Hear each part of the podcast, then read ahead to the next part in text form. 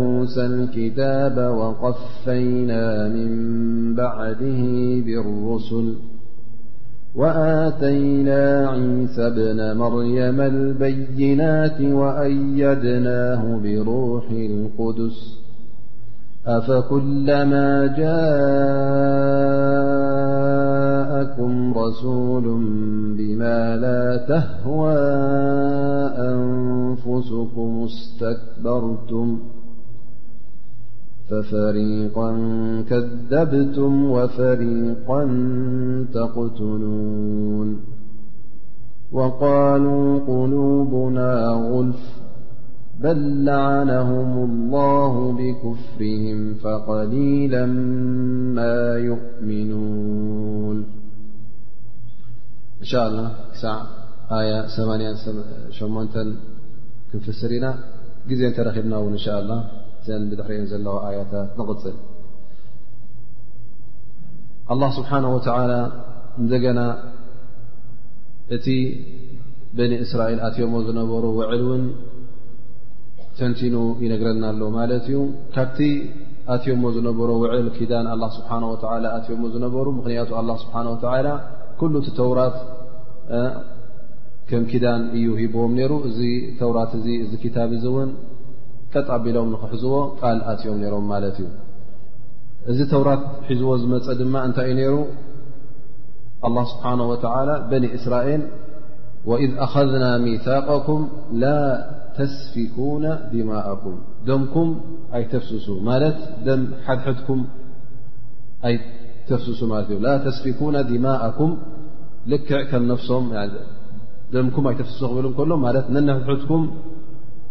ኣይትቕተሉ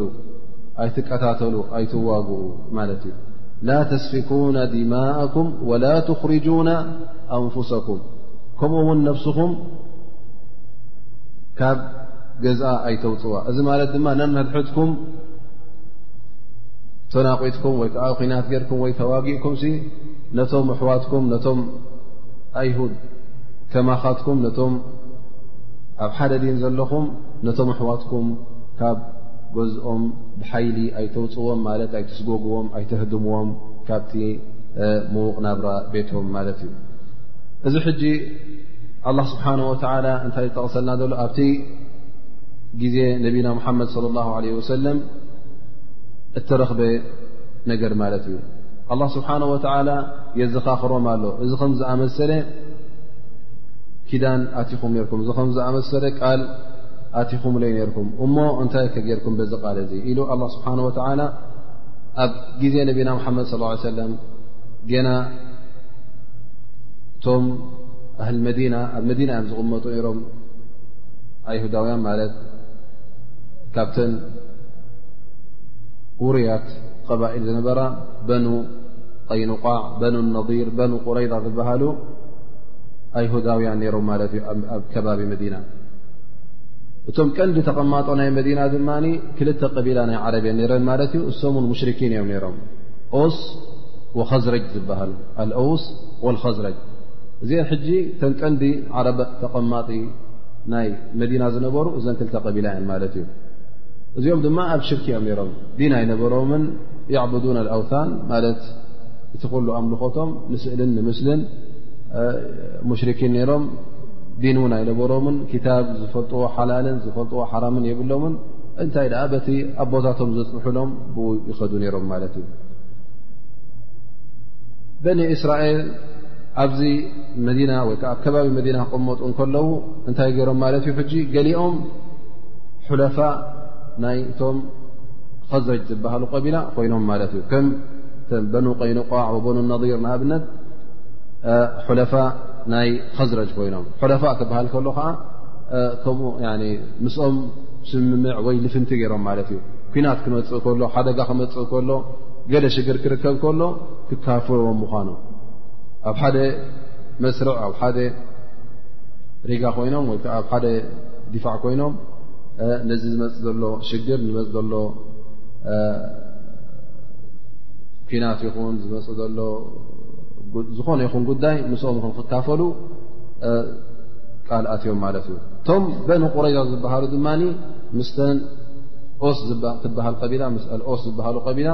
ምስኦም ደፊኖም ማለት እዩ ሕጂ ንገዛእ ርእሶም ኣይሁዳውያን ሕጂ ኣብ ክንተ ተመቒሎም ኣለዉ ማለት እዩ ኩናት ክርከብ ከሎ ኣብ መንጎ ኦስን ከዝረጅን ኩሉ ግዜ ኩናት ትርከብ ነይሩ ኦስ ከዝረጅ ዘን ክልተ ቐቢላ ቅድሚ ምስልምና ማለት እዩ ነቢና ሙሓመድ ስ ሰለም መዲና ከይኣተዉ ከለዉ ገና ኣንሳር ከይተሰምዩ ከለዉ እዞም ኦስ ኸዘይ ዝተሰመዩ ኣንሳር ብዳሕራይ ነቢና ሓመድ ስ ሰለም ንመዲና ምስ መፁ እስልምና ክኣት ምስ ጀመሩ ኣንሳር ተሰምዮም ማለት እዩ ክልኦም ኦስ ኸዝረጅ ኣንሳር ተሰምዮም ምክንያቱ ነቢና ሓመድ ስ ሰለም ተቐቢሎም ዓብይ ደገፌታን ዓብይ ሓበሬታን ስለ ዝገበሩ ም ነቢና ሓመድ ስ ሰለም እንታይ ዓብዪ ምትሕብባር ስለ ዝገበሩሎም እንታይ ተባሂሎም ኣንሳር ደገፍቲ ወይ ከዓ ተሓባበርቲ ተባሂሎም ማለት እዩ ግን ቅድሚኡ ኦስ ኸዝረጅ ክልቲኦም ዓረብ እንከለዉ ግን ሙሽርኪን ስለ ዝነበሩ ነንድሕዶም ኩናት ነይርዎም ማለት እዩ ፅልኢ ዓብ ፅልኢ እዩ ነይሩ ጎረባብቲ ስለ ዝኾኑ ዘባእሶም ኣይስእኑን እዮም ነይሮም ብናይ መሬት ይኹን ናይ ጥሪት ይኹን ናይ ምፅራፍ ይኹን ናይ እዚ ቀትልኩምልና እቲ ሓውና ቀትልኩምልና ወድና ቀትልኩምልና ተባሂሉ ኣብ መንጎኦም ኩሉ ግዜ ጎንፂ እዩ ዝርከብ ነይሩ ማለት እዩ ስለዚ ኩናት ክርከብ እንከሎ ናይ ግድን እቶም ኣይሁዳውያን ንገዛእ ርእሶም እቶም ምስኦስ ለፊኖም ዘለዉ ምስኦስ ደው ይብሉ ኣንፃር እታ ካልይቲ ቀቢላ ክዋግኡ ማለት እዩ እቶም ቀይኑቃ በኒ ነር ድማ ምስ ኣልኸዝረጅ ደው ኢሎም ኣንፃርታ ካልይቲ ቀቢላ ይዋግኡ ነይሮም ማለት እዩ ክዋግኡ ከለዉ ሕጂ እንታይ ይርከብ ነይሩ ኣብቲ ሓደ መስርዕ ኣይሁዳውያን ኣለዉ ኣብቲ ሓደ መስርዕ እውን ኣይሁዳውያን ኣለዉ ማለት እዩ ሕጂ ምስዞም ሙሽርኪን ኮይኖም ምስዞም ሙሽርኪን ተሓባቢሮም ምስኦም ናይ ዲን ስምምዕ ዘይብሎም እንከለዉ ግን ምስኦም ስለፊኖም ንመን ይቀትልለዎ ማለት እዩ ነቶም ኣሕዋቶም ነቶም ኣይሁዳውያን ዝበሃሉ ነቶም ከምኦም ብሓደ ዲን ዝኣምኑ ብሓደ ክታብ ዝኣምኑ ብሓደ ነቢ ዝኣምኑ ብሓደ ኣላ ዝኣምኑ ኣንፃሮም ይዋግኡ ማለት እዩ ክዋግኡ ከለዉ ናይ ግድን እዩ ደም ክፈስስ እዩ ነንሕዶ ክቃተሉ ማለት እዩ እንተ ንብረት ኮይኑ ውን ንብረት ክዝመት እዩ ማለት እዩ ምክንያቱ ኣብ ኩናት እተኣትኻ ናይ ግድን ዝሰዓርካዮ እተ ኮይኑ እቲ ዝገደፎ ንብረት ትህግሮን ትወስዶን ኢኻ ማለት እዩ እንደገና ውን እንተ ክሃድሙ ኮይኖም ስዕርካዮም ን ገዝኦም ክትወርሶ ኢኻ ቦትፎም ክትሕዞ ኢኻ ማለት እዩ ካብ ገዝኦም ክትሰጎም ኢኻ እዚ ሕጂ ኣላ ስብሓን ወላ ነዚ ንኸይገብሩ ቃል ኣትዩሎም ነይሩ ግን እዚ ጉዳይ እዚ ኣብ መዲና ክገብርዎ ተረኺቦም ማለት እዩ ስለዚ ኣላ ስብሓን ወላ በዚ ጉዳይ እዚ ንበኒ እስራኤል የዘኻኽሮም ኣሎ ስብሓ وإذ أخذنا ميثاقكم زكروا يزخقرم له ت ن بحجي وعل بخم وسدنا ن لا تسفكون دماءكم دمكم أي تفسسوا إلن ولا تخرجون أنفسكم من دياركم كمኡ نفسخم كب ذخم نخيتوፅوون وعل وي كدن ኣቲኹም ኢኹም እዚ ኪዳን እዚ ቅድሚ ሕጂ ምስ ኣላ ስብሓን ወላ ዝኣተኹሞ ኪዳን እዩ ثመ ኣቅረርቱም ወኣንቱም ተሽሃዱን እዚ ጉዳይ እዚ እውን ተኣማሚንኩም ኢኹም ተኣሚንኩም ኢኹም ተቐቢልኩምሞ ኢኹም ባዕልኹም እውን ትምስክሩሉ ኢኹም ሕቡእ ነገር ኣይኮነን ትፈልጥዎ ኢኹም ወላ ስብሓን ወተላ ኣብዚ ኣያ እዚኣ እንተ ኣ ርኢና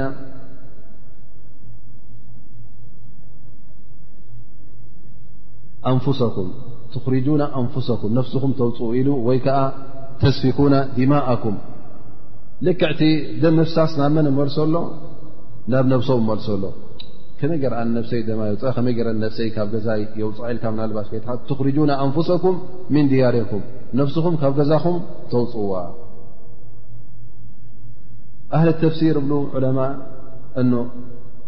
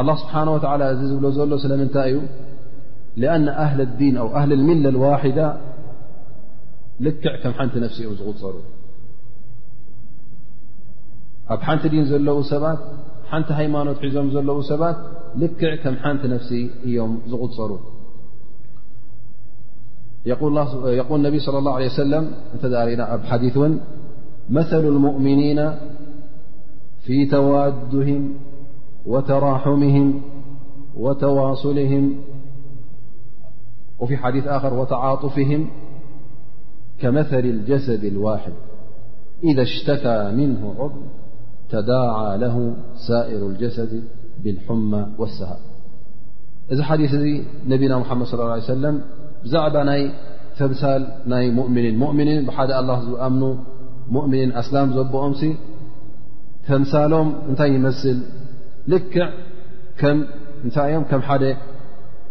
ኣካል ከም ሓደ ሰብ ከም ሓደ ኣካል እዮም ዝቁፀሩ ፊ ተዋድሂም ኣብቲ ኣልውድ ምፍታዊ ምፍቕቓር ማለት እዩ ነንሕዶም እፋተው ነፍስኻ ሕጂ ትፈትዋ ኢኻ እዛ ኢድካ ነዛ ኢድካ ይትፀልኣን እያ ሓንቲ እግርኻ ሓንቲ እግርኻ ውን ኣይፀልኣን ኢ ልክዕ ከም ሓንቲ ስውነት እያ ማለት እዩ ወተራሑምህም ከምኡ ውን ራሕማ ወይ ከዓ ርህራሀ ኣብ መንጎኦም ራህራሀ ንኽርከብ እዚ እውን ልክዕ ከም ሓንቲ ነፍሲ እዮም ምኽንያቱ እስኻ እተ ሓንቲ ኢትካ እዛ የማነይቲ ኢትካ እተ ኣቆንዝያትካ እዛ ፀጋመይቲ ኢትካ ሕጂ እንታይ ትገብራ ምናልባሽ ምልዓልቲ ኣብያትካ ትሕግዛ ትድግፋ እተ ተቆንዝዋላ ቀጣቢልካ ክትሕዛ ድያታ ትሕግዛ ሕጂ ልክዕ ከም ሓንቲ ኣካል ስለ ዝኾነ እዚ ነብስኻ ንገዛእ ርእሱ ሓደ ኣካል ሓደ ስውነት ክኸውን ከሎ እንታይ እዩ ሕጂ ነንሕዱ ተሓጋገዝ ይደጋገፍ ማለት እዩ ስለዚ ራሕማ ኣለዋ ማለት እዩ እዛ ሓንቲ ኣካልካ ዛኢትካ ታእግርኻ ነታ እግርኻ ታኢትካ ኩሉ ይተሓጋገዝ ማለት እዩ ወተዋሱልህም ከምኡ ውን ኣብ ተዋሱል ማለት ምርኽኻብ ማለት እዩ ትሓተሉ ንሓደ ሰብ ወተዓጡፍህም ኣብ ዓጢፋ ርህራሀ ወይ ከዓ ነንሕዝትካ ተፈቓቒርካ እንታይ ጎድሎ እንታይ የበልልካ ልክዕ ከምዚ ምቅርራብ ማለት እዩ ምልግጋብ ተዋሱል ክትገብር ከለኻ እዚ እውን ልክዕ ብመንዝለት ጀሰድ ኣልዋሕድ ነቢና ሓሰ ልክዕ ከም ሓንቲ ኣካል ከም ሓደ ስውነት እዩ ይብሉ ኢደ ሽተካ ምን ዑብ ተዳዓ ለ ሳኢሩ ጀሰድ ንኣብነት እንተ ርእስኻ ሒሞካ ረስኒ ኣለካ ኮይኑ ወይ ውን ስንኻ ቆንዚኳ ዓይነኻ ቆንዚኳ ጥራይ እቲ ዓይኒ ኮነት ትሓምም ትካልእ በጥ ኢሉ ድቅስ ኣይድቅስን እዩ እንታይ ደኣ እተ ዓይንኻ ሒማ ቀብሉ ለይቲ ኩሉ ነብስኻ ድቃስ ኣብካ እዩ ዝሓድር ምክንያቱ እቲ ቃንዛ ናብ ኩሉ ስለ ዝምርዘልካ ማለት እዩ ኩሉ ስውነትካ ስለ ዝበፅ ስለዚ ኣህሊ ዲን ዋሕቶም ሃይማኖቶም ሓደ ዝኾኑ ውን ልክዕ ከምኡ እዮም እንተ ሓደ ካብኦም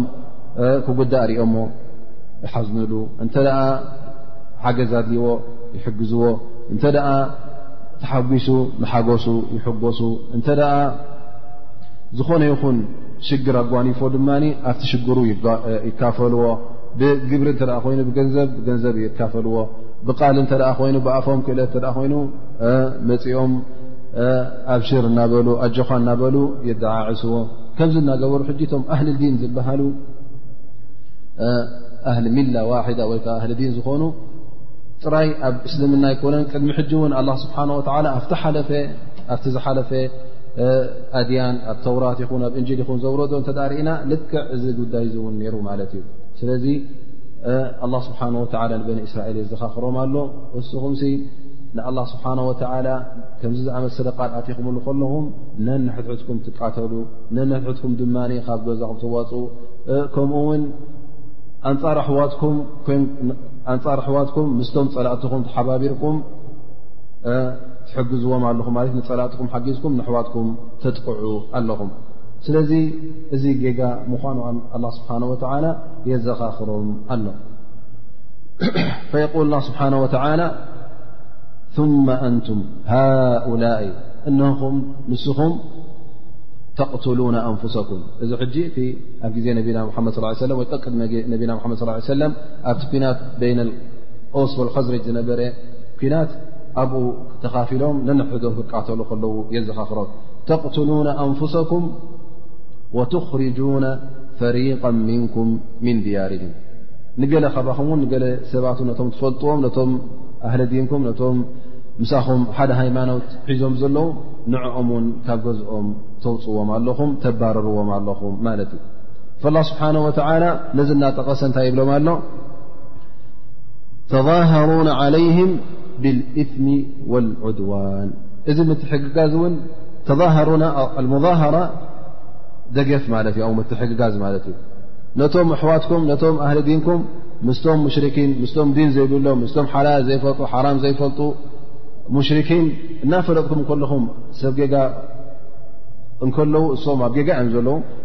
እቶም ኣሕዋትካ ሙእምኒን ከማኻ ምዃኖም ትፈልጦም ኣለኻ ማለት እዩ ኣይሁድ ሕጂ ክታብ ኣላ ስብሓን ወላ ተውራት ሒዝና ኢና ነቢ ሙሳ ኢና ንኽተል ኢና ኢኹም ትብሉ ዘለኹም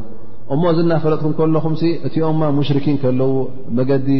ካብ መገዲ ርሒቆም ከለዉ ብኣላ ስብሓን ወላ ዘይኣምኑ ብነቢይ ዘይኣምኑ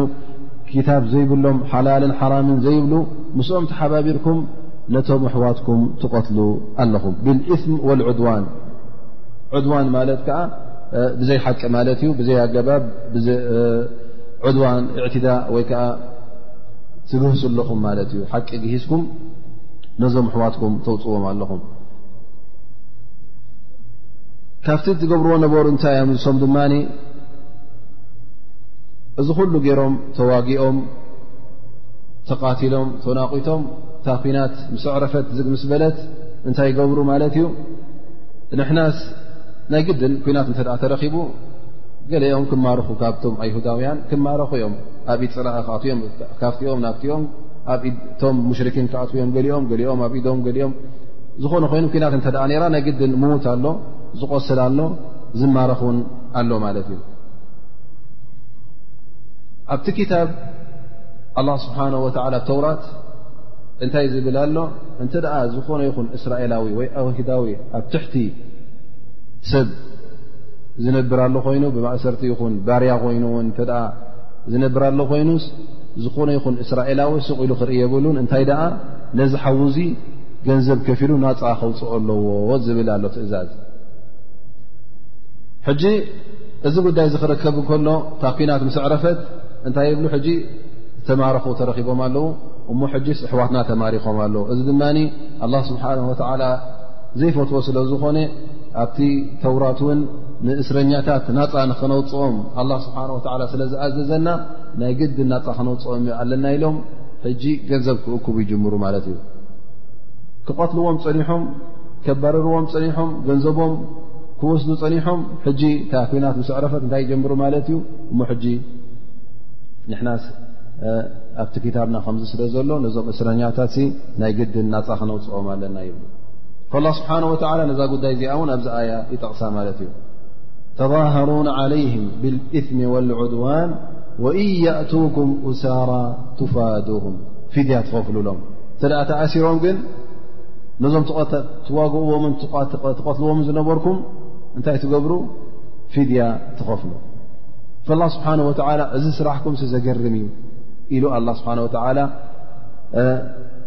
ነዚ ጉዳይ እዚ ከመይ ዓይነት ሓሳብ እዩ ዘለኩም ኢሉ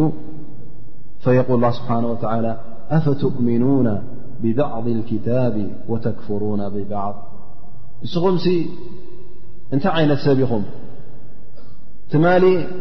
ነዞም ኣሕዋትኩም ምስቶም ፀላእቲ ኣላ ምስቶም ብኣላ ዘይኣምኑ ምስቶም ካሓቲ ኮንኩም ክትቀትልዎም ፀኒሕኩም ከተባረርዎም ፀኒሕኩም ካብ ገዝኦም ንብረቶም ክትዝርፉ ፀኒሕኩም ሎሚ ድማ ኣላ ስብሓን ወተላ ኣጅሪ ክንረክብ ኣ ስብሓ ወላ ዝኣዘዘና ትእዛዝ ኣሎ ኢልኩም ካብ ማእሰርቲ ከነውፅኦም ፊድያ ክንከፍል ኢልኩም ፊድያ ክትከፍሉ ትመፁ እሞዚ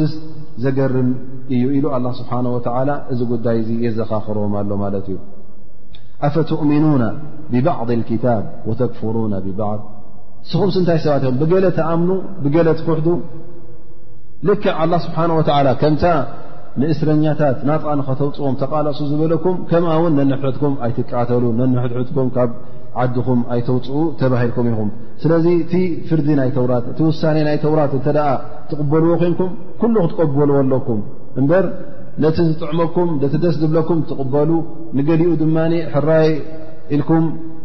ሰርሕሉ ንገሊኡ ድማ እምቢ ኢልኩም ብግብሪ ይኹን በልሓስኩም ይኹን ወይ ውን ብግብሪ ይኹን ነዚ ጉዳይ እዚ ከተርእዩ ትርከቡ ላ ስብሓን ወላ እዚ ጉዳይ እዚ ዘገርም ምኳኑ መስተንክር ስራሕ ምኳኑ እውን ኣላ ስብሓን ወላ በዚ ሕቶ እዚ የቕርበሎም ኣሎ ኣፈትእሚኑና ብባዕድ ክታብ ወተክፍሩና ብባዕ ብገለ ካብቲ ዘውረድናልኩም ክታብ ተኣምኑ ብገለ እውን ትኽሕዱ ኢሉ ኣላ ስብሓን ወላ እዚ ሕቶ እዚ ይሓቶም ማለት እዩ ማ የቁል ላ ስብሓን ወላ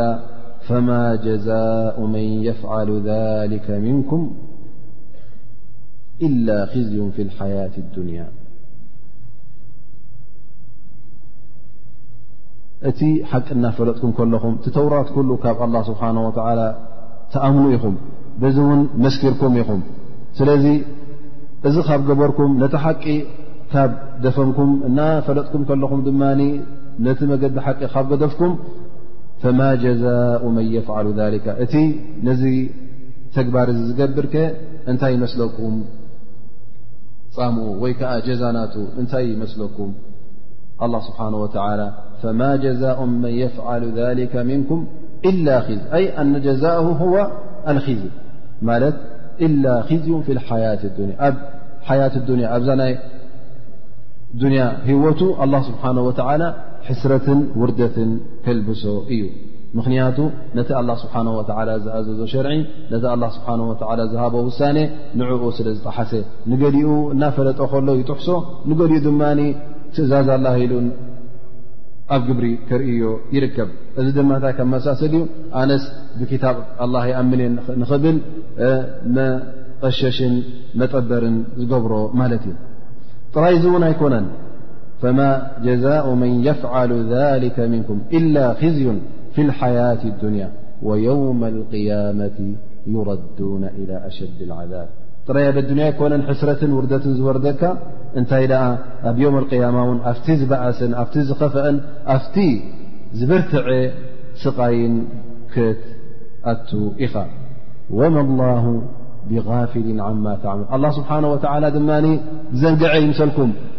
ንገለገለ እንተገበርኩም ብኡ ተጠቢሩ ስቕ ዝበለ ኣይምሰልኩም ኩሉ ትገብሮ ዘለኹም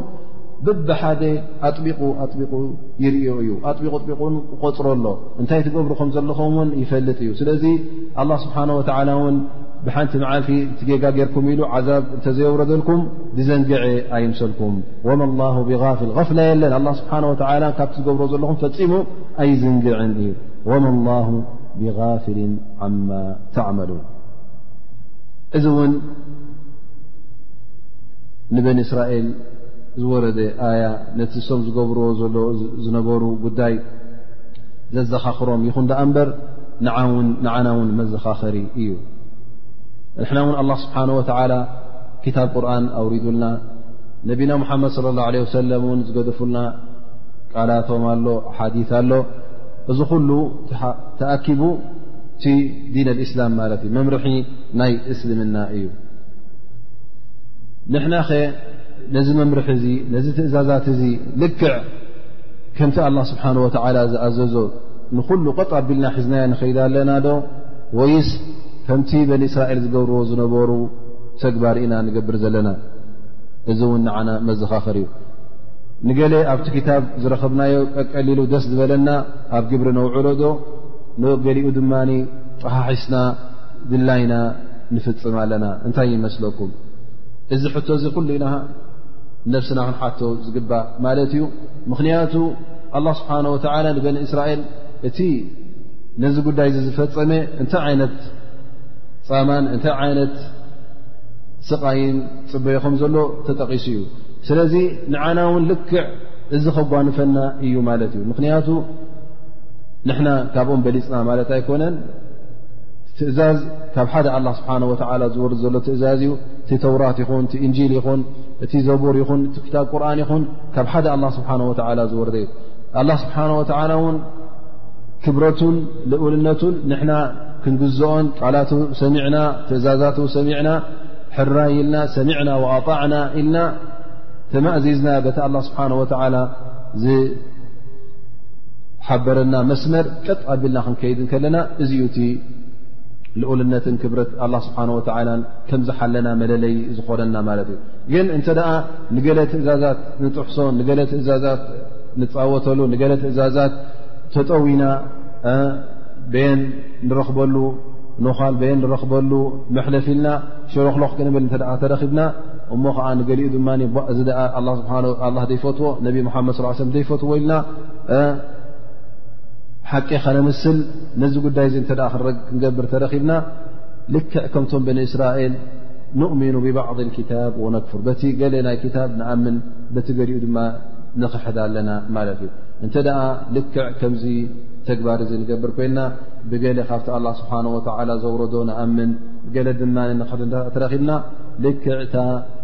ኣላ ስብሓን ወተላ ዝበላ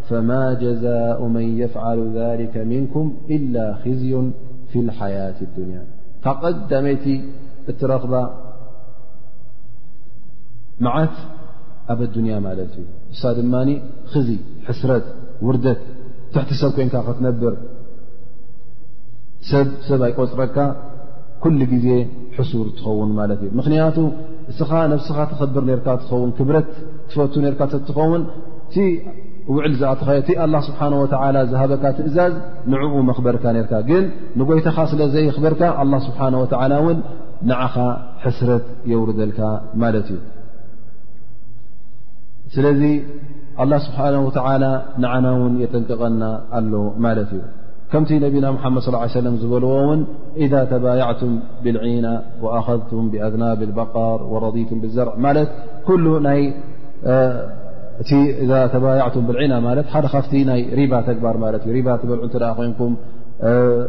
ከምኡ ውን ናይ ኣኼራ ረሲዕኩም ጥራይ ሃምኹም ናይ ዘርእን ናይ ማሕረስን እንተ ኮይኑ ኣላ ስብሓን ወተላ ይሰልጡ ዓለይኩም ዱለን ላ የርፈዑ ዓንኩም ኣበደን ማለት ሕስረት እዩ ዘውርደልካ ኣላ ስብሓን ወላ ምክንያቱ እስኻ ነስኻ ስለ ዘሕሰርካ ትእዛዝ ኣላ ካብ መገዲ ኣላ ስለ ዝረሓቕካ እቲ ቀዳማይ መዓት ዝወርደካ ኣብ ኣዱንያ ሕስረት እዩ ዝወርደካ ማለት እዩ እዚ ጥራይ እውን ኣይኮነን ኣብ ኣዱንያ ጥራይ ኣይኮነን ኣላ ስብሓን ወተላ ጥራይ ኣብ ኣዱንያ ኣይኮነን ፀላዒኻን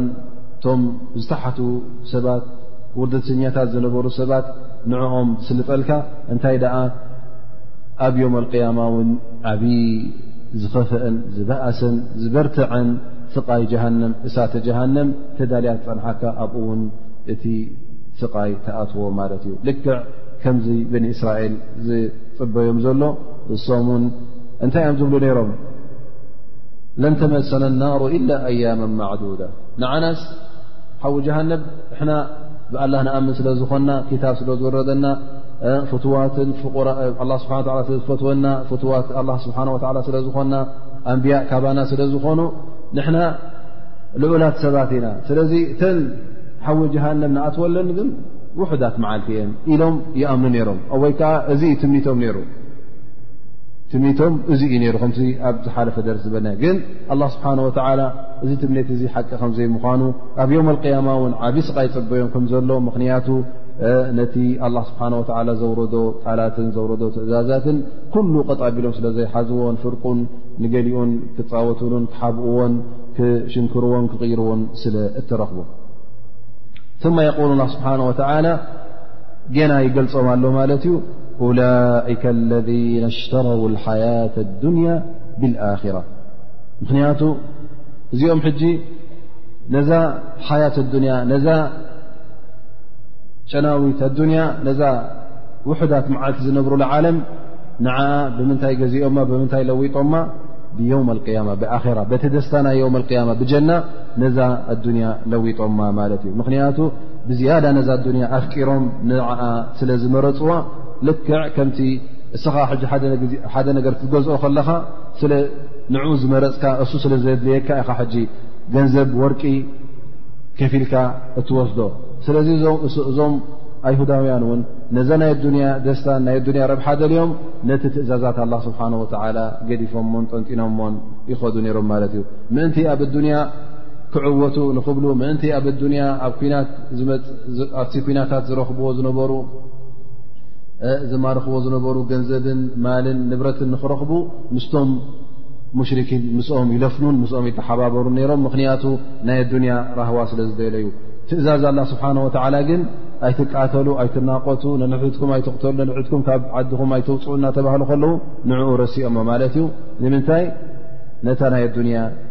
ስለ ዝረኣዩ ማለት እዩ ሊዛሊክ ኣላ ስብሓን ወተዓላ እንታይ ይብል እዚኦም እንታይዮም ፈላ ይኸፈፉ ዓንሁም ልዓዛብ ወላ ሁም ዩንሰሩን እዚኦም ሲ ኣይኮነ ጥራይ ኣብ ሓዊ ክኣትዉ ጥራይ ዘይኮነስ ገና ውንቲ ስቓይ እውን ኣይጎድልን እዩ እንታይ ደኣ በቲ ኣሸድ ዓዛብ ዝበልናዮ ውን በቲ ብርትዓናቱን በቲ ዋዕናቱን ክቕፅል እዩ ንኦም ውን ወላ ሓንቲ ሰዓት ትኹን ወላ ርብዒ ሰዓት ወላ ሓንቲ ደቂ ወላ ሓንቲ ሰከንድ ትኸውን ሲ ተዓዛብ ወይ ከዓ እታ ስቓይ ኣይትፋኾሰሎምን እያ እንታይ ደኣ በታ ኣሸድ ዓዛብ ተባህለት በታ ብርትዕቲ ስቓይ ተባህለት ብኣያ ትቕፅል ፈላ ይኸፈፉ ዓንሁም ዓዛብ ወላ ሁም ዩንሰሩን ከምኡ ውን ደጋፊ የብሎምን ምኽንያቱ ኣብ ዮም ያማ መን ኣሎ ኣብ ቅድሚ ኣላ ስብሓን ወተላ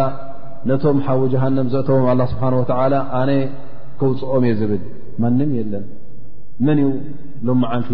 ደጋፍን ተሓባባርን ዝኾነካ መን ዩ ኣርክበኒ ርክበኒ ውይ ተበልካ መን እዩ ዝሰምዓካ ምኽንያቱ ኩሉ ልመን ልሙልክ ዮም ልላ ዋሕድ ሃር ዝጠቕመካ ሰብ የብልካ ዝጠቕመካ እንስሳ የብልካ ዝጠቕመካ እምኒ የብልካ ዝጠቕመካ መላእካ የለ ዝጠቕመካ ነቢ የለ እንታይ ደኣ እታ ግብርኻ ኣላ ስብሓን ወተላ ብኣ እንተ ፈሪዱካ ድሕሪ ሕጂ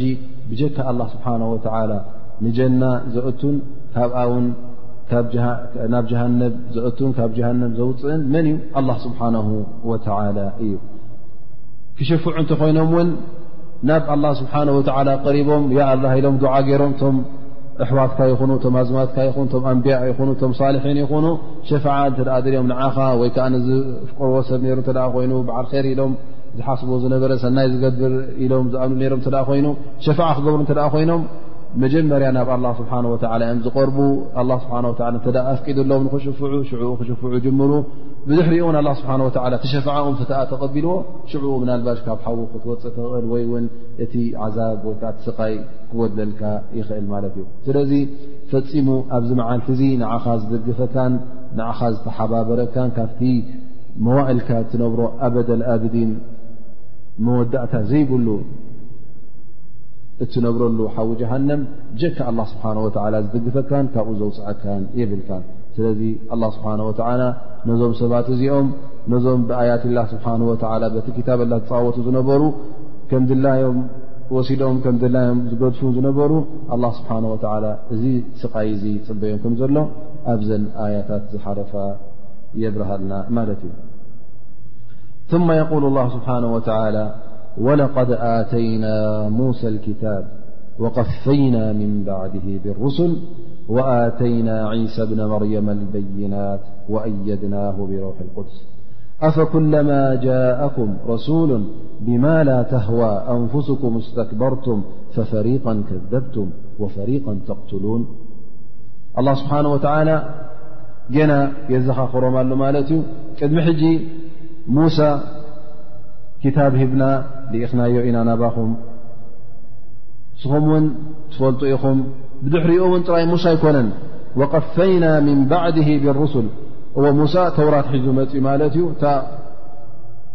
ሙሳ ሒዝዋ ዝመፀ ተውራት እውን ገሊኦም ቀጥ ኣቢሎም ሕዝዋ ገሊኦም ውን ከም ድላዮም ይለዋወጥዋን ይቀያይርዋ ነይሮም ማለት እዩ ኣብ ርእሲኡ ግን ኣላ ስብሓን ወተላ ጥራይ ሙሳ ልኹ እታ ክታብ ኣላ ኢሉ ስቕ ኣይበለን እንታይ ደኣ ኣላ ስብሓን ወተላ በቲ ርህራሂናቶ ርሒም ስለ ዝኾነ ኣላ ስብሓን ወተላ ጌና መጠንጠቕታ ይሰደሎም ነይሩ ማለት እዩ ጌና ኣንብያ ወሩሱል ብድሕሪ ሙሳ እውን ይመፁ ነይሮም እዞም ኣንብያ ሩሱን ድሕሪ ሙሳ ዝመፁ ነበሩ ግን ሓድሽ ክታብ ወይ ከዓ ሓድሽ መንሃጅ ወይ ከዓ ሓድሽ ዲን ሒዞም መፁ ነበሩ እንታይ ደኣ ነታ ተውራት ንዓ ብዝያዳ ቀጥ ኣቢልኩም ሓዝዋ ንኽብሉ ንዓ ንኸብርሁን ንዓ ንኽዕልሙን ይልእኮም ነይሩ ኣላ ስብሓን ወተላ ስለዚ መጠንቀቕታ እውን ብድሕሪ ሙሳ መፅኩም እዩ ወቀፈይና ምን ባዕድ ብሩሱል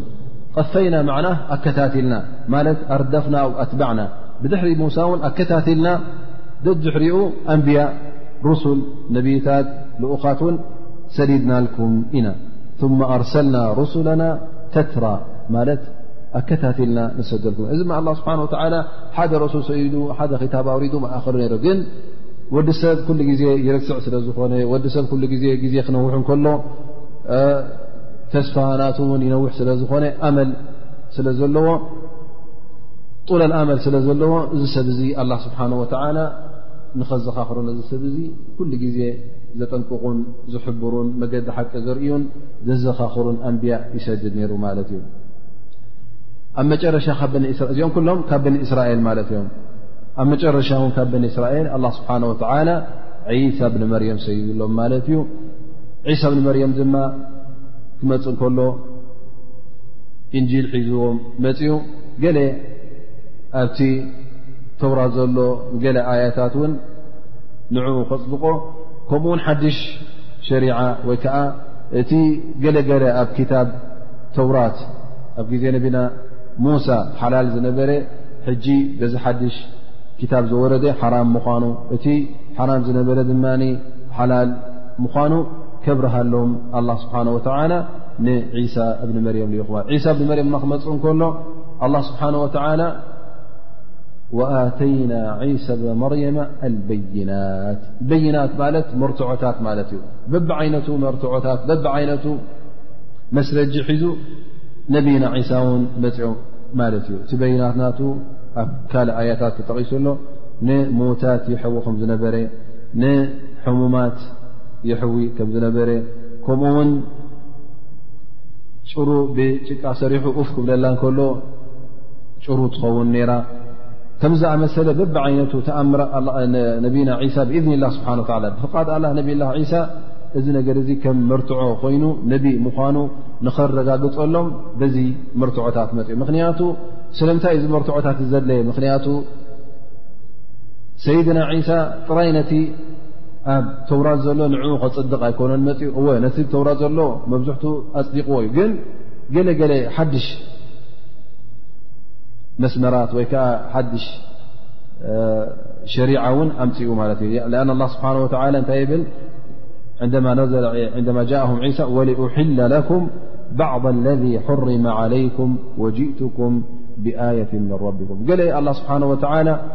ኣብቲ ክታብ ተውራት ሓራም ኢልዎ ዝነበረ ብሓድሽ ሸሪዓ በዚ ናይ ዒሳ ሓላል ከም ምዃኑ ክገልፀሎም ስለ ዝመፀ እንተ ደኣ ነዚ ክቕበሉ ኮይኖም ዓብዪ ተኣምር ከድልዮም እዮም ምኽንያቱ ኣይኮነን ዶ ንቲ ኣብ ክታቦም ዝነበረ ሓድሽ ሒዙሎም ዝመፅእ ነቲ ክታቦም ዝነበረ ከፅድቐሎም ዝመፀ ሰብ እውን ንዕኡ ዕረፍቲ ህብዎ ይነበሩ ንገሊኦም ይቐትልዎምን ንገሊኦም ፀርፍዎም ንገሊኦም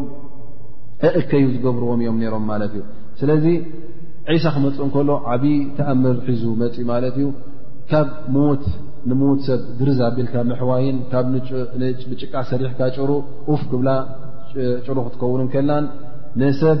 ዘይሓዊ ሕማም ለምፂ ኣብቲ ግዜ እቲ ለምፂ ዘይሓዊ ሕማም ስለ ዝነበረ ግን ነብላ ዒሳ ብኢዶም ግርዝ ኣቢሎም ነዚ ለምፂ እዚ ከሕውይዎ እንከለዉ እዚ ሕጂ ዓብዪ ተኣምር ማለት እዩ ቀሊል ኣይኮነን እዚ ዓብ ተኣምር ሒዞም መፅኦም ማለት እዩ ግን በኒ እስራኤል እውን እዚ ኩሉ ተኣምር ብዓይኖም እናረኣዩ ከለዉ እዚ ኩሉ መብርሂ ብዓይኖም እናረኣዩ ከለዉ ብነብላ ዒሳ እውን ኣይ ኣመኑን ማለት እዩ ذ ኣላ ስብሓን ወተላ እንታይ ይብሎም ኣሎ ከምኡ ውን ነብላ ዒሳ ብ እዚ ጥራይ ኣይኮነን ኣየድና ብሩሕ ዱስ ሩሕ ዱስ ማለት ድማ ኣየድና ሩሕ ዱስ ኣብ ቁርን ኩሉ ግዜ ክትመፅእ ከና ሩሕ ዱስ ና ጅብሪል ማለት እዩ ሓደ ካብቶም መላእካታት ጅብሪል ማለት እዩ ኣላ ስብሓን ወተላ ብጅብሪል እውን ይድግፎን ይሕግዞን ነይሩ ማለት እዩ ምኽንያቱ ሩሕ ቅዱስ ክርስትያን ካልእ ተፍሲርዎ ኾኑ ምናልባሽ ብልካ ሕጂ ኣብ ክታብኩም ሩሕ ቅዱስ ማለት ከም መንፈስ ቅዱስ ማለት እዩ ኣሎንዲ ክብልካ እዮም ሕጂ ስለዚ ስለምንታይ መንፈስ ቅዱስ ዘይተኣምኖ ብልካ መንፈስ ቅዱስ ሩሕ ቅዱስ ኣብ ቁርና ዘሎ መን እዩ ጅብሪል እዩ ኣ ላ ስብሓ ወላ ወኣየድና ብሩሕ ቅዱስ ስለ ዝበለ ብሩሕ ቅዱስ ዋይ ሒዙ መፅ ነይሩ እዚ ኩሉ ናይ እሕያ መውታ ክገብር ከሎ እዚ ሉ ተኣምር ገብር ከሎ ውን ብምንታይ እዩ ዝገብሮ ነሩ ብእዝኒ ላ ስብሓ ወላ ብእዝኒ ላ ክኸውን ከሎ ውን መላእካ ኣለዉ ንኦም እሶም ን እናሓበርዎ እናሓገዝዎን ኸይድ ነይሩ ማለት እዩ ግን ናይ ግድን ቶ መላእካ ክረአ ኣለዎ ማለት ኣይኮነን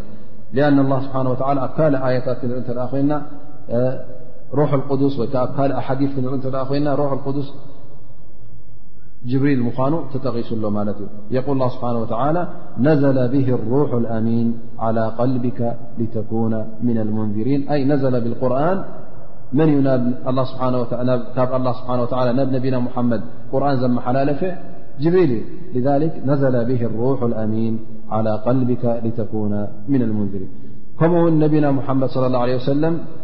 ሓሳን እብኒ ሳብት ካብቶም ሸዕራ ማለት ካብቶም ግጥሚ ዝገጥሙ እዮም ነይሮም ካብቶም ሰሓበት ነቢ ስ ሰለም ናይ ግጥሚ ክእለት ስለ ዝነበሮ ኣብቲ ግዜ እቲ ግጥሚ ዓብዪ ግደ ነይርዎ ማለት እዩ ኩናት ክካየድ እንከሎ ወይ ውን ኣብ ፀላኢ ተሲእካ ትዛረብ እቲ ሽዕር ክትብል ከለኻ ልክዕ ከም ዓብዪ ፕሮፓጋንዳ እዩ ዝሕሰብ ነይሩ ማለት እዩ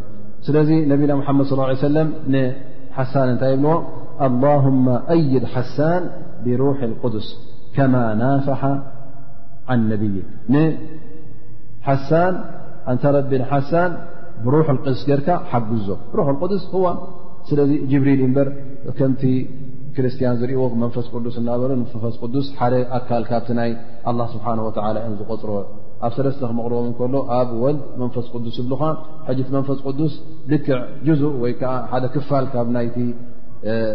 ሓደ ናብ ሰለስተ ተመቒሉ ዘሎ ወይ ሰለስተ ናብ ሓደ ተጠሚሮም ዘለዉ ብከምኡ ኢሎም ዝኣምንዎ ኣይኮነን እነማ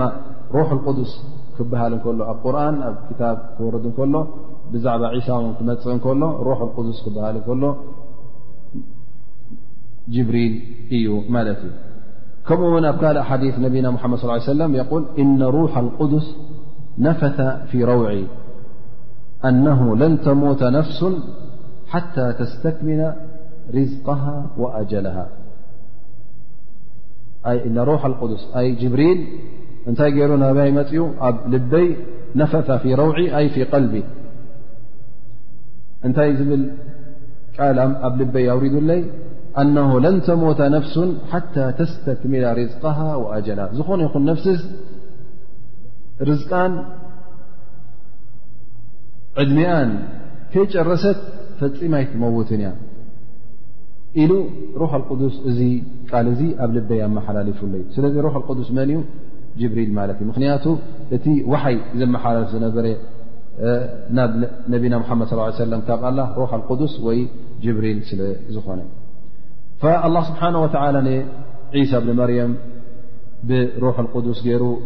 ደጊፍዎ ከምኡ ውን በቲ ተኣምር ዝገብሮ ዝነበረ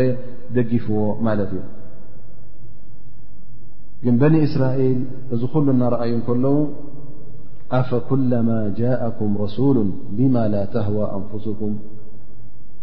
እስተክበርቱም እዚ እናረኣዩ ከለዉ ኩሉ ብትዕቢት ይቕበልዎ ነይሮም ምኽንያቱ እንታይ እቲ ቐንዲ ምኽንያት እቲ ሃዋ ወይ ከዓ ድልት እቲ ነቲ ስምዒት ናቶም ዘርዊ ኣያታት ስለ ዘይመፀ እቲ ደስ ዝብሎም ንዕኦም ስለ ዘይረኸቡ ኣፈ ኩለማ ጃእኩም ረሱሉ ብማ ላ ተህዋ ኣንፍስኩም ነፍስኹም ዘይትደልዮን ዘይትፈትዎን ሒዙ ስለ ዝመፀ እቲ ነቢ እንታይ ኹም ትገብሩ ነርኩም እስተክበርቱም እታይ ትዕቢት ይቕበልዎ ማለት እዩ እስተክበርቱም ፈፈሪቀ ከዘብቱም ወፈሪቀ ተቕትሉን እቶም ኣንብያ ክልተ ጋንታ ጌርኩሞም ንገሊኦም ሓሰውቲኦም እዚኦም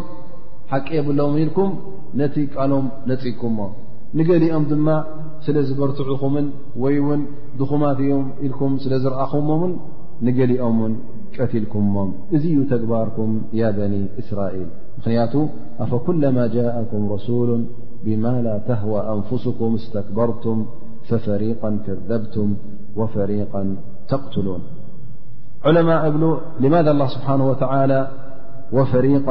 ተቕትሉን ቅድሚ ሕጂ እኦም ቀትሎምዎም ቶም ኣንብያ ስለምንታይ ቐተልቱም ጥራይ ዘይበለ ኣብ ገለገለ ቐተልቱም ኢልዎም ኣሎ ግን ኣብዚኣ ስለምንታይ ተቕትሉን ትብል ከሊማ ወይ ቃል ተቕትሉን ክበሃል ከሎ ሕጂ ኣብ ቋንቋ ዓረብ ፍዕል ሙባረቅ እዚ ግስ እዚ እንታይ ማለት እዩ እንታይ ዘረዳእካ ሕጅን ኣብ መፃእን ዝኸውንን ማለት እዩ ተቅትሉን ኣልኣን ኣው ፊ ሙስተቅበል ንከምኡዩ ዘረድእ ማለት እዩ ስለዚ እቲ ጉዳይ ጥራይ ቅድሚ ሕጂ ኮነ እንታይ ደኣ ቀፃሊ ኣሎ ማለት እዩ ኣንቢያ ንክቀትሉ እውን ፈተነታት ከም ዘለዎም ዘርኢ ማለት እዩ ምክንያቱ ነቢና ሙሓመድ ስለ ላሁ ለ ሰለም ኣብቲ ግዜ እቲ ንክቀትልዎ ፈቲኖም እዮም ሓንሳ ብስራይ ወይከዓ ብሽሕር ገይሮም ክቀትልዎም ፈቲኖም ሓንሳ እውን ብስሚ ገይሮም ክቐትልዎም ፈቲኖም ኣብታ ዝሓለፈ ሰሙን ዝጠቐስናያ ኣብ غዝወት ኸይበር ኣብ መጨረሻ ውን ንና እዚ ስምንት ስለምንታይ ጌርኩሞ ተባሂሎም ነቢ ተኾንካ ይጎድኣካ ኢልና ሓሳዊ ተኾንካ ድማ ረና ካብኻ ክርይሓልና ኢልና ኢና ጌርና ኢሎም ማለት እዩ በረይ ፀሊእናካ ኣይኮናን ወይ ውን ካልእ ነገር ኣይኮነን ክብሉ ተረኪቦም ማለት እ ከምኡ ውን ሓደ ግዜ በን ነር ኣብቶም ቀቢላ ምስኦም ኣብ መንጎ ነቢና ሓመድን ኣብ መንጎኦምን ስምምዕ ነይሩ ማለት እዩ። እዚ ስምምዕ እዚ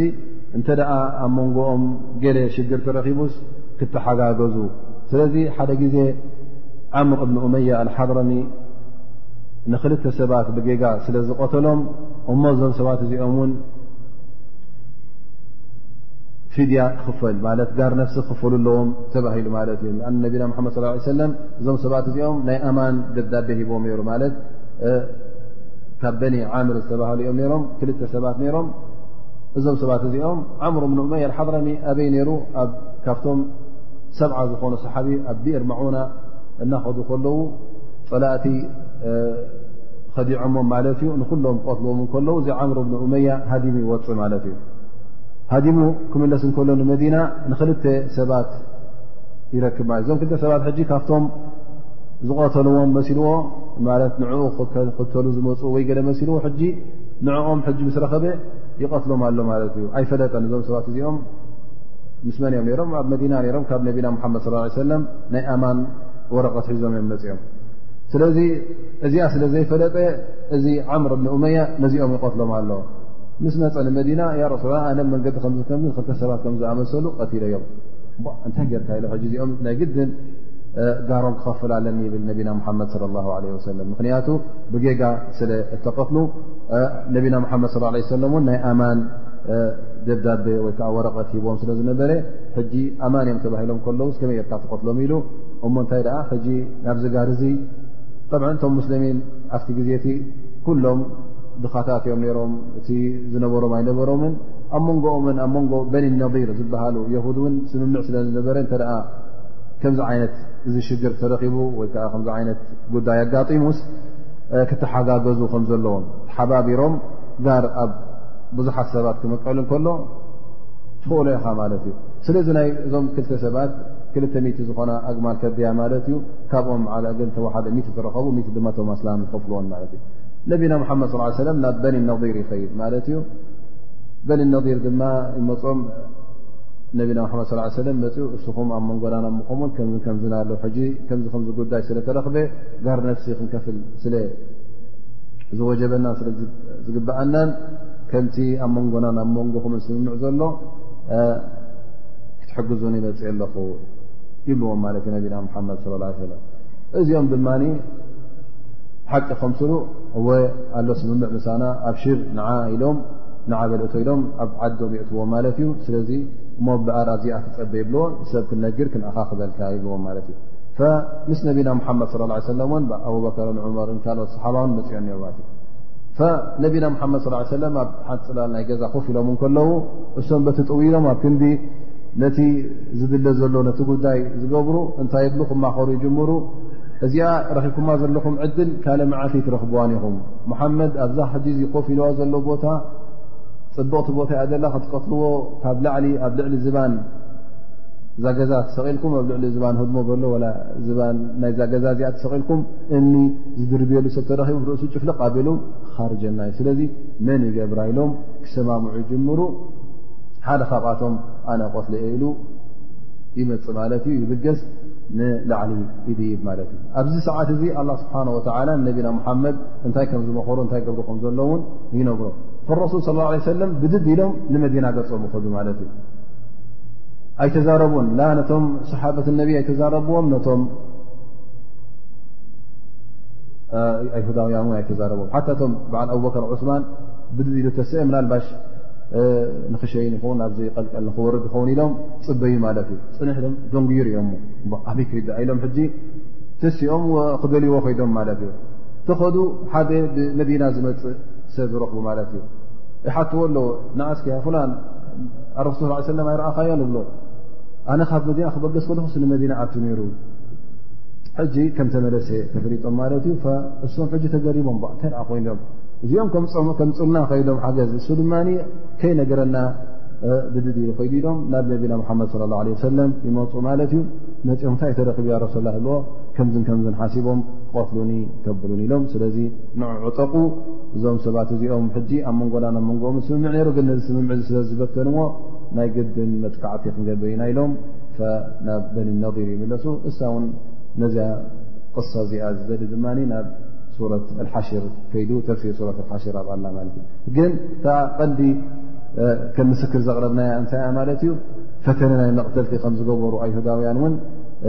ተሓቢሩና ማለት እዩ ብስሚ ይኹን ንድርብዮም ይኹን ብስሕር ይኹን ብኩሉ ፈተነታት ኣካይዶም እዩ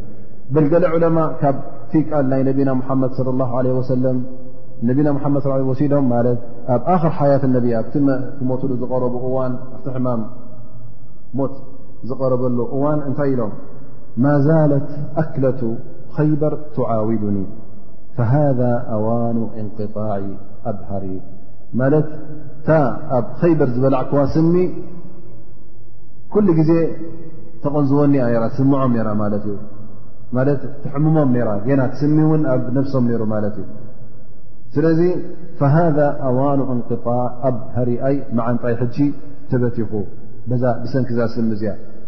ስለዚ ይብሉ ብተዘዋዋሪ ሸነኽ እውን ነቢና ሙሓመድ ስ ለ ሰለም እውን እሶም ኢድ ነይርዎም እዩ ማለት እዩ ኣብ ሞት ነቢና ሙሓመድ ለ ላ ለ ሰለም እሶም እውን ሓደ ጠንቂ ነይሮም ማለት እዩ እወ ነቢና ሓመድ ስ ሰለም ሓሚሞም እዮም መይቶም ሽዕኡ ብቐጥታ ዝቐተሎም የለን ግን እታ ኣብ ግዜ ከይበር ዝኣኸል ዝበልዕዋ ስኒ ሓንቲ ኩላሶ ኮሊሶም እዮም ሸዓኣ ሸዓ ግንታ ክንታ ዝበልናያ እታ ተጠቢሳ ዝመፀት ስጋ ጤል ስለ ዝነበረቶም ተሲኦም ኢዶም ሒዞም ማለት እዩ ሸዓ ሸዓ ድማ ካብቶም ሰሓበት ነቢ ስ ሰለም ክልተ ከም ዝሞቱ ኣብ ሲራ ተጠቂሱ እዩ ማለት እዩ ስለዚ እዛ ሞት ነቢና ሓመድ ص ه ሰለ ን ኢድ ናይ ኣይሁድ ከም ዝነበራ ውን በዚ ቃል ነቢና ሓመድ صለ ه ሰለ ንሪኦ ስለዚ እቲ ፈተነታት ቅድሚ ሕጂ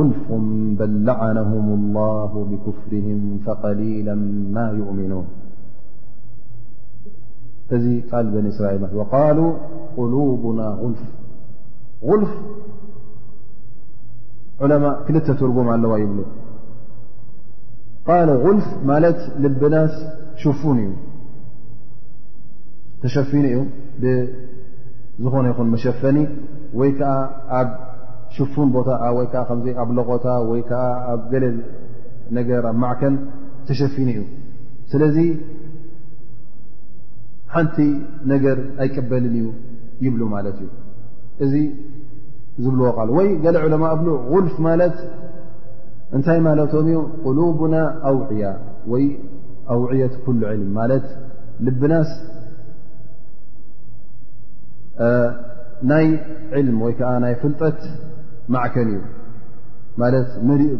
እቲ ዘለና ዕልሚ እኹል እዩ ዘለና ፍልጠት እኹል እዩ ስለዚ ሓድሽ ትምህርትን ሓድሽ ፍልጠትን ኣይንደልን ኢና ይብሉኻ ያ ነቢ ኣላ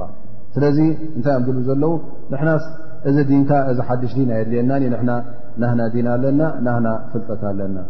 ላኪን ኣላ ስብሓን ወተላ የርዱ ዓለይህም እዚ ቃሎም እዚ ቅኑዕ ከም ዘይኮነ ኣላ ስብሓን ወላ እንታይ ይብል በላዓናሁም ላ እዚ ቃሎም እዚ ሓቂ ኣይኮነን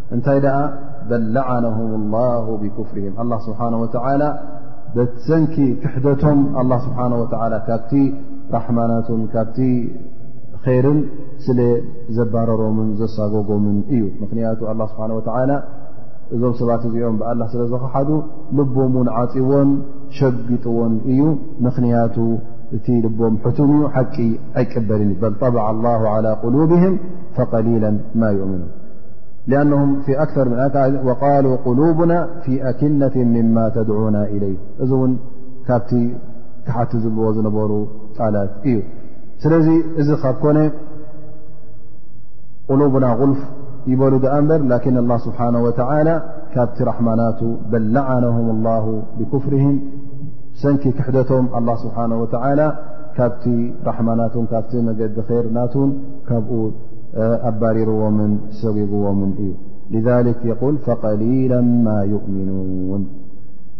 ما يؤمنون أي أن من يؤمن منهم قليل ال تم أمن وحدات بني إسرائيل مزحتهم أكثرهم فاسقون أكثرهم يجحدون أو أكثرهم مقد ربتجيم تم وحدات تمن يأمنو يم ኣው ኢሎም ዑለማ ፈቀሊሉ ኢማንሁም ወይ ውን ካልእ ትርጉም ተ ክተምፅ ኮይና ፈቀሊለ ማይኡሜኑን ኣይ ፈቀሊሉ ኢማን ማለት ኢማኖም ሲ ብውሑድ እዩ እንተ ኣመኑ እውን ብገለገለ ብውሑድ እዮም ዝኣምኑ ዩእሚኑና ብማ ጃء ብሂ ሙሳ ኣምሮ ልሚዓድ ግን በቲ ምስቲ ክሕደት ዝርኣይዎ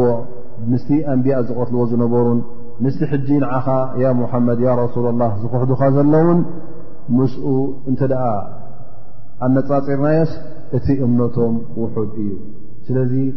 መብዝሕቶምን እቲ ወይ እውን ክልቲኡ ክነተሓባብሮ ንኽ እቶም ዝኣምኑ ውሕዳት እዮም ነይሮም እቶም ዝኣምኑ ውን ካብኦም ዝኣምኑ እተ ተረኺቦም እቲ ኢማኖም እውን እኹል ኣይነበረን እንታይ ደኣ ውሑድ እዩ ሊክ እቶም በዚ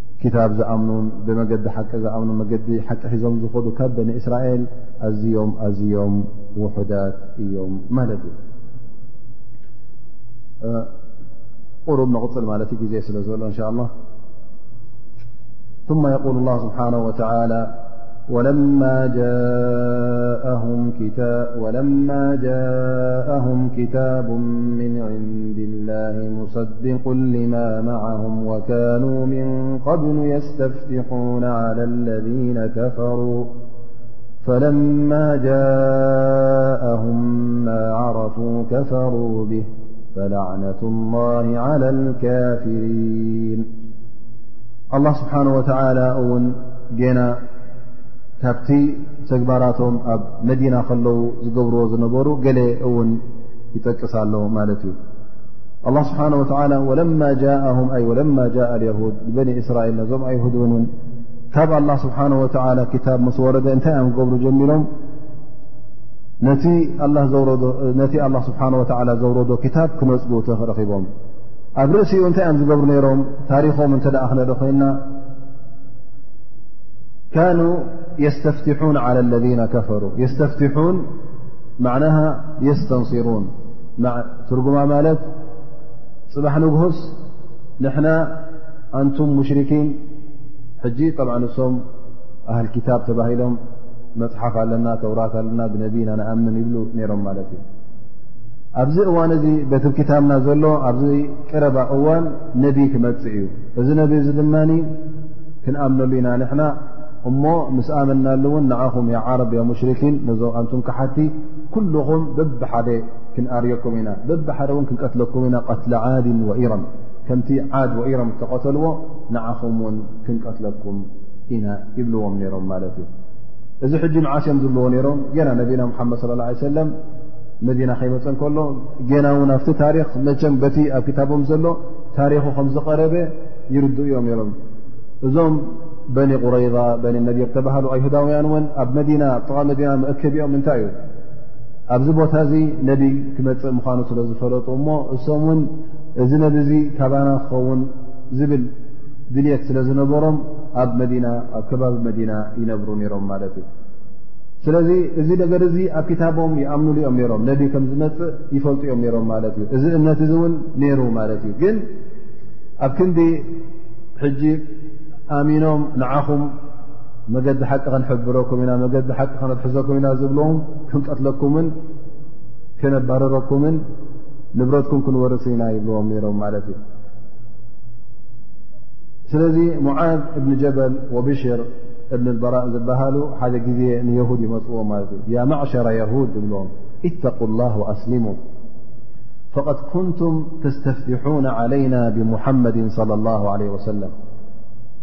ونحن أهل شرك وتخبروننا بأنه مبعوث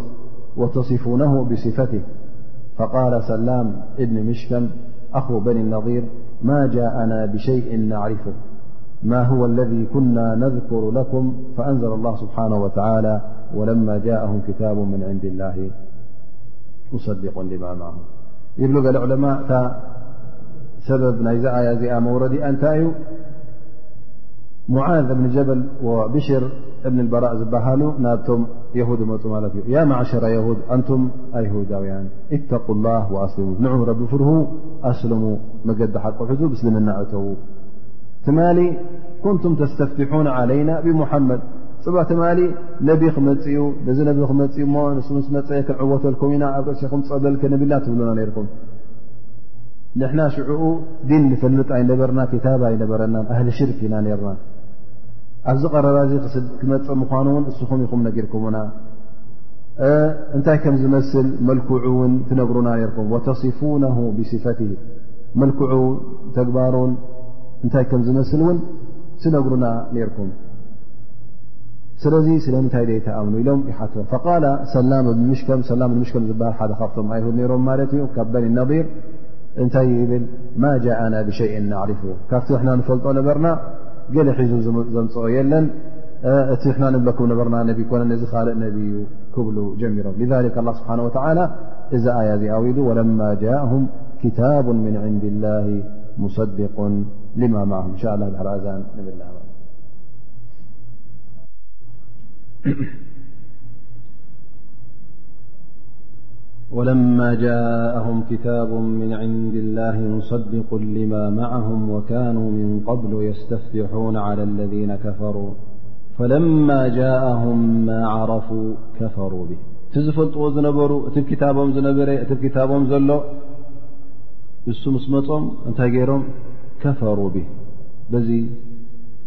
ነብይ እዚ ብነቢ ሙሓመድ صለ ላه ሰለም ክሒዶም ማለት እዩ እናፈለጡ ከለዉ ኣብቲ ክታቦም ከሎ መገዲ ሓቂ እናረኣይዎ ከለዉ እዞም ሰባት እዚኦም ብነቢና ሙሓመድ صለ ላه ለ ወሰለም ይኽሕዱ ማለት እዩ ላ ስብሓን ወላ እንታይ ብል ፈላዕነት ላ ዓላ ልካፍሪን እዞም ከምዚ ዝኣመሰሉ መገዲ ሓቂ እናረኣዩ እዚ ኩሉ ኣላ ስብሓን ወላ ኣንብያ ልኢኹ ሩሱል ልኢኹ ክታብ ኣውሪዱ ሙሳ ይኹን ብድሕሪ ሙሳ ዝመፁ ክሳዕ ነብላ ዒሳ ወይ ቅድሚኡ ዝነበሩ እውን ኣንብያእ ብኒ እስራኤል እዞም ኩሎም ሰዲዱ ዝኾነ ነቢ እውን እቲ ብዙሕሪኡ ዝመፅእ እናበሰረ መልክዑ እና ነገረ ነብ ምዃኑ እዚ ኩሉ እናፈለጡ ከሎ ኣብቲ ክታቦም ተዘርዚሩ ከሎ እዚ ኩሉ ካብ ካሓዱ ኣላ ስብሓን ወተላ እዞም ሰባት እዚኦም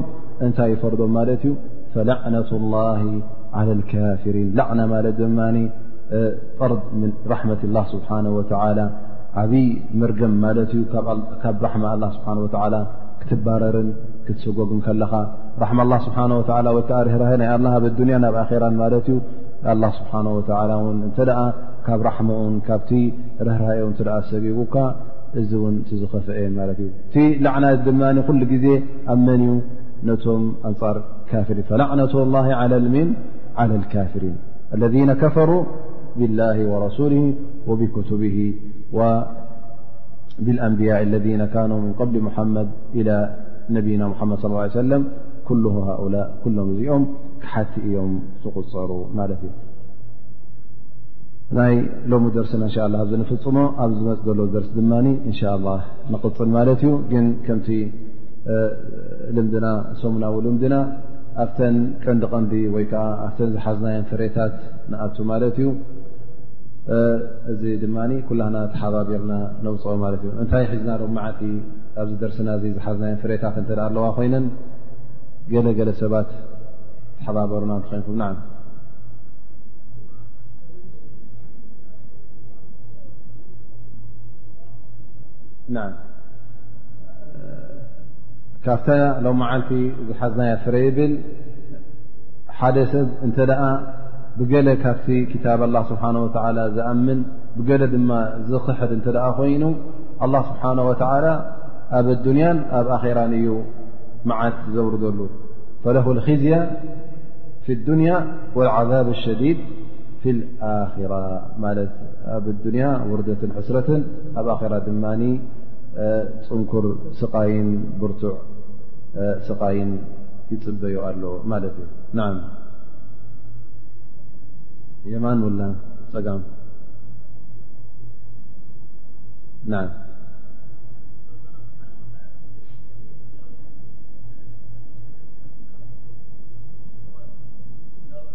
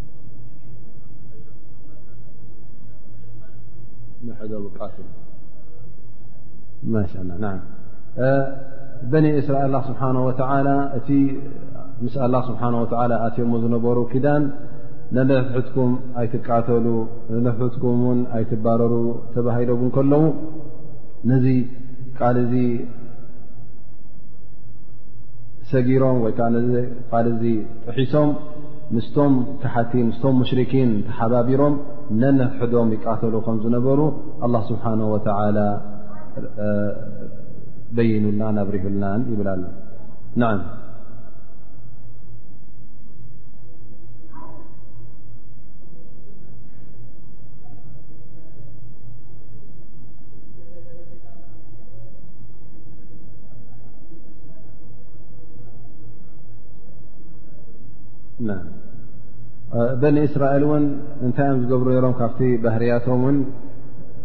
ብደስ ዝበሎም ይኣምኑ በቲ ደስ ዘይበሎም ድማ ይክሕዱ ነይሮም ከምኡ ውን ኣፈ ኩለማ ጃእኩም ረሱሉ ብማ ላ ተህዋ ኣንፍስኩም ኩሉ ግዜ እንታይ እዮም ዝዘል ነሮም ሃወ ነፍስ እታ ነፍሶም ትብሎም ዊንታ ናይ ነፍሶም ንዓ ጥራይ እዮም ዝዘልዩ ነሮም ማለት እዩ ስለዚ እንተ እዚ ጉዳይ ዘይረከብዎ እቲ ሃዋ ናቶም ወይ ከዓ ዊንትኦም እተ ደይረኸቡ ኣብቲ ክታብ ወይ ነቲ ክታብ ልውጡ ወይ እውን ነቶም ኣንብያ ይቐትሉ ወይ እውን በቲ ክታብ እቲ ይኽሕዱ ነይሮም ማለት እዩ ስለዚ ብገለ ይኣምኑ እቲ ደስ ዝብሎም ምስቲ ዊንታኦም ዝሰማዕ እተ ኮይኑ ምስቲ ዊንታኦም ዝገራጮ እተ ኮይኑ ድማ ይነፅግዎ ነይሮም ማለት እዩ ጥራይ መፃግኡ ኣይኮነን ነቶም ኣንብያ እውን ዝቐትልዎ ሰዓታት ነይሩ ማለት እዩ ን ካብቲ ቀንዲ ፋይዳታት ዝሓዝናዮ ሎ መዓንቲ ይብሉ ሩሑ ቅዱስ ማለት ኣብ ቁርን ኩሉ ግዜ ጅብሪል ትርጉም ናታ ጅብሪል ምኳኑ እቶም ናይ ኣዱንያ ኣብሊፆም ዝርኡ ወይ ከዓ ቀዳምነት ንዱንያ ዝህብዎ እሞ ብኣንፃሩ ንኣኼራ ዝርስዑ ማለት ነታ ራሓ ናይ ኣኼራን ጀናን ብናይ ራሓ ኣዱንያ ዝልውጡ እዞም ሰባት እዚኦም ኣብ ዮም ኣልቅያማ ኣላ ስብሓን ወላ ከምቲ ዝበሎ ፈላ ዩኸፈፍ ዓንሁም ልዓዛቡ ወላ ሁም ዩንሰሩን ኣብ ዮም ኣልቅያማ እዞም ሰባት እዚኦም ዓዛብ ኣይክወድለሎምን እዩ እንታይ ደኣ ክፅዕቕ እንደገናን ከምኡ ውን ዝሕግዞምን ዝድግፎምን ኣይረኽቡን እዮም ና ካልእ ፋይዳታት ና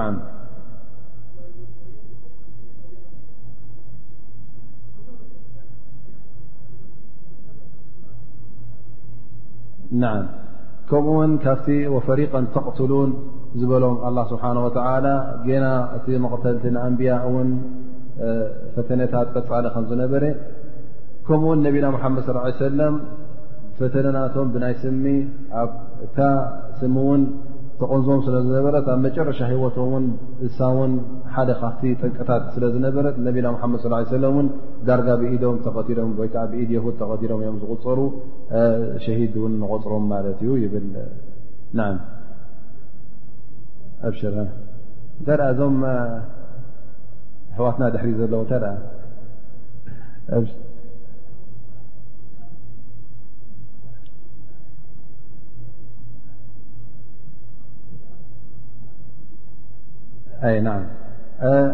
ብድሕሪ ነብላ ሙሳ ከምቲ ዝበልናዮ ሩሱል ነሮም ልኡኻት ነሮም እዮም ኣንብያእን ሩሱልን ድሕሪ ነብላ ሙሳ መፅኦም ግን እቲኦም ዝመፁ ዝነበሩ ክሳዕ ነብላ ዒሳ ዝመፅእ ጠብ ኩሎም ናብ ነቲ ተውራት እዮም ደፅድቑ ነሮም ማለት እዮም ነታ ተውራት ንዓ ከምህሩ ንዓ ክዕልሙን እዮም ዝመፁ ነሮም ግን ነብላ ዒሳ ምስ መፀ እንጂል ሒዙ ስለ ዝመፀ እዚ እንጂል እዚ እውን ገለገለ ኣብቲ ተውራት ዝነበረ ሓራም ዝነበረ ሓላል እውን ገይሩሎም እዩ ብሓድሽ ሸርዒ ሒዙሎም ከም ዝመፀ እውን ሎም መዓልቲ እዛ ነጥቢ እዚኣ ሒዝና ኣለና ይብል ማለት ካብቲ ፋይዳታት ዝሓዝናዮ ኣንፍሰኩም ዋላ ተቕትሉ ኣንፍሰኩም ዝበላስ እንታይ ፋይዳ ንወስደላ ኢልና ኣህል ሚላ ን እቶም ድሕሪት ዘለዉ ስ እንታይ ኢልና እዚኣ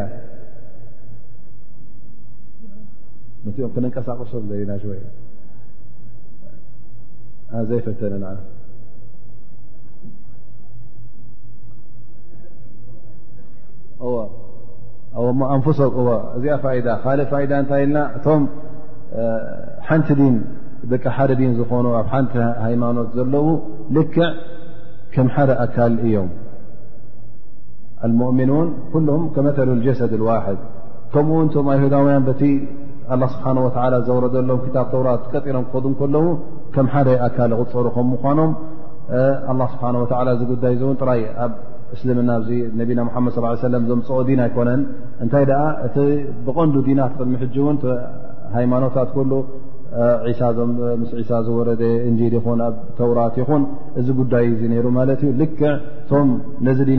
ነዚ ዲን ሒዞም ቀጥ ኢሎም ዝኸዱ ልክዕ ከም ሓደ ኣካል እዮም ነይሮም ነነሕዶም ክጓድኡን ክቃተሉን ካብ ሃገሮም ንክውፅኡን ወይ ከዓ ኣንፃ ምስ ፀላኢ ምስ ካልኦት ተሰማሚዖም ምስኦም ደፊኖም ምስኦም ተሓጋጊዞምን ነዞም ኣሕዋቶም ክጎድእዎምን ክቐትልዎምን ካብ ዓዶም ከባርዎምን ከምዘይብሎም እዚ ነገር እዚ ዝጉዳይ እዚ እውን ንርዳእ ማለት እዩ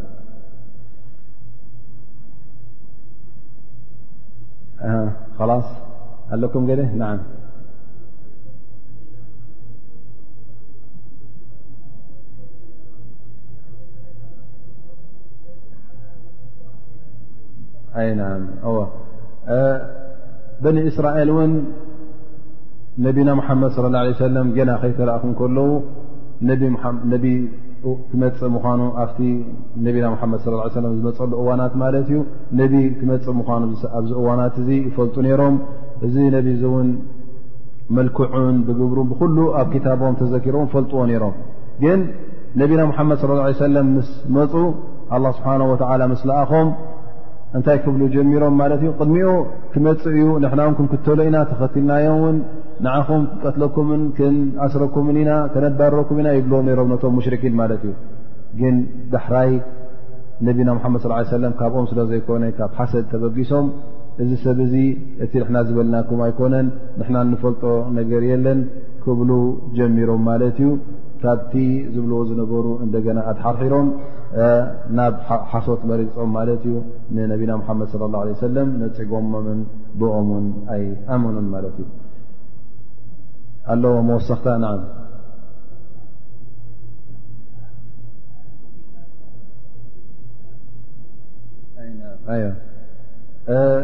እዚኣ ፋይዳ ብ ካብታ ናይ ዓምር እብን ኡመያ ዝተረክበት ዝወሰዳ ፋይዳ ማለት እተ ሓደ ሰብ ብጌጋ ተቐትሉስ ናይ ግድን ጋር ክኽፈል ኣለዎ ድያ ክንከፍል ከም ዘለና ውን እዚኣ ን ሓንቲ ፋይዳ ሒዝናያ ይብል ማለት እዩ ኣሎ ዶ ወላ ወዲእና ي أقول قولي هذا وأستغفر الله لي ولكم وأسأل الله سبحانه وتعالى أن ينفعنا بما علمنا وصلى الله على نبينا محمد وعلى له وصحبه وسلم أجمعين